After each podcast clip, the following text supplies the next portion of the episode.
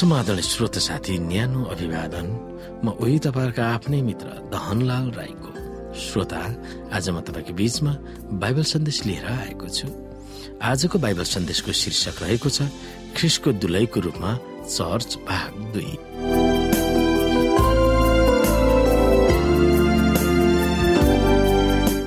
श्रोता पौराणिक विवाह समारोहलाई प्रयोग गरेर कोरन्थीका इसाईहरूलाई यसुकी दुलै भनेर प्रस्तुत गर्दा तिनीहरूलाई कस्तो भयो होला? यो प्रस्तुत खासमा कहिले हुन्छ? हामी यहाँनिर हेर्न सक्छौ श्रोता।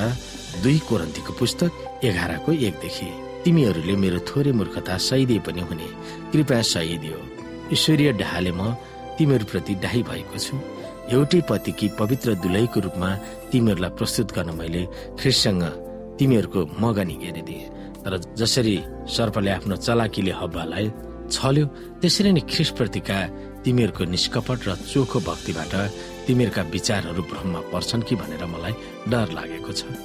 किनकि यदि कुनै व्यक्ति आएर हामीले प्रचार गरेका भन्दा अर्कै यसुलाई प्रचार गर्यो भने अथवा तिमीहरूले पाएका आत्मामा भन्दा अर्कै आत्मा तिमीहरूले ग्रहण गर्यो भने वा तिमीहरूले पाएका सुसमाचार भन्दा अर्कै कुनै सुसमाचार ग्रहण गर्यो भने तिमीहरू पनि यी सबका सामु सजिलै झुक्दा रहेछौ। श्रोता पौराणिक विवाहको चलनलाई चित्रण गरेर पावलले एपिसी पाँच अध्यायको पच्चिसदेखि सत्ताइसमा यसो ख्रिस आफैले दुलाईलाई प्रस्तुत गर्नुहुन्छ वा आफैमा। पौराणिक समयमा वा अहिले पनि दुलहीको बाबुले दुल्हालाई दिन्थ्यो। बाबु नभए कुनै नजिकको आफन्त वा दुलहीको अभिन्न मित्रले दुल्हालाई दुलही बुझाउँथ्यो तर कहिले पनि दुल्हाले दुलहीलाई सिधै लिन्नथ्यो यहाँ यसुले चर्चलाई आफ्नै दुलही भनेर उनले आफूलाई नै दिनुभएको पावलले कल्पना गर्दछन्। विवाहको चलनलाई प्रयोग गरेर पावलले ख्रिसको सम्बन्ध चर्चसँग कस्तो हुन्छ भनेर श्रृङ्खलाबद्ध रूपमा उघारेर देखाउँछन्। मगनी ख्रिस्ट आफै चर्चलाई सुम्पनुहुन्छ वा आफ्नै वा आफै दुलहीको मोल बन्नुहुन्छ। यस प्रक्रियाले उहाँले चर्चसँग मगनी गर्नुहुन्छ।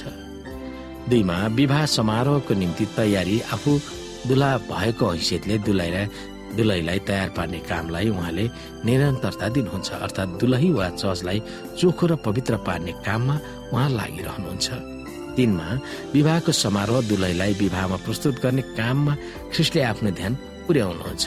जब दुल्हा रूपी ख्रिस्ट यस संसारमा फर्किनुहुन्छ तब उहाँले दुलही रूपी चर्चलाई आफ्नो बनाउन उहाँले भव्य विवाहको समारोह गर्नुहुनेछ।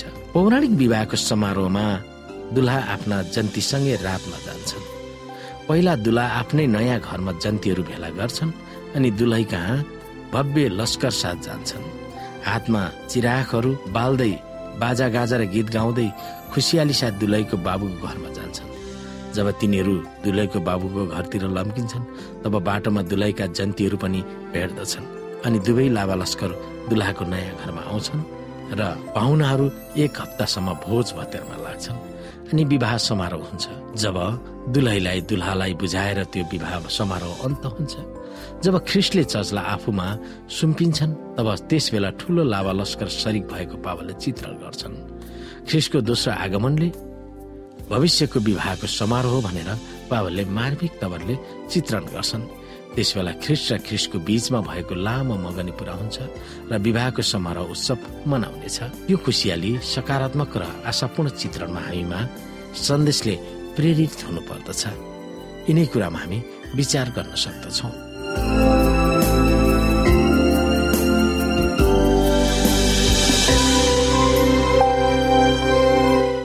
श्रोता साथी आजको लागि बाइबल सन्देश यति नै।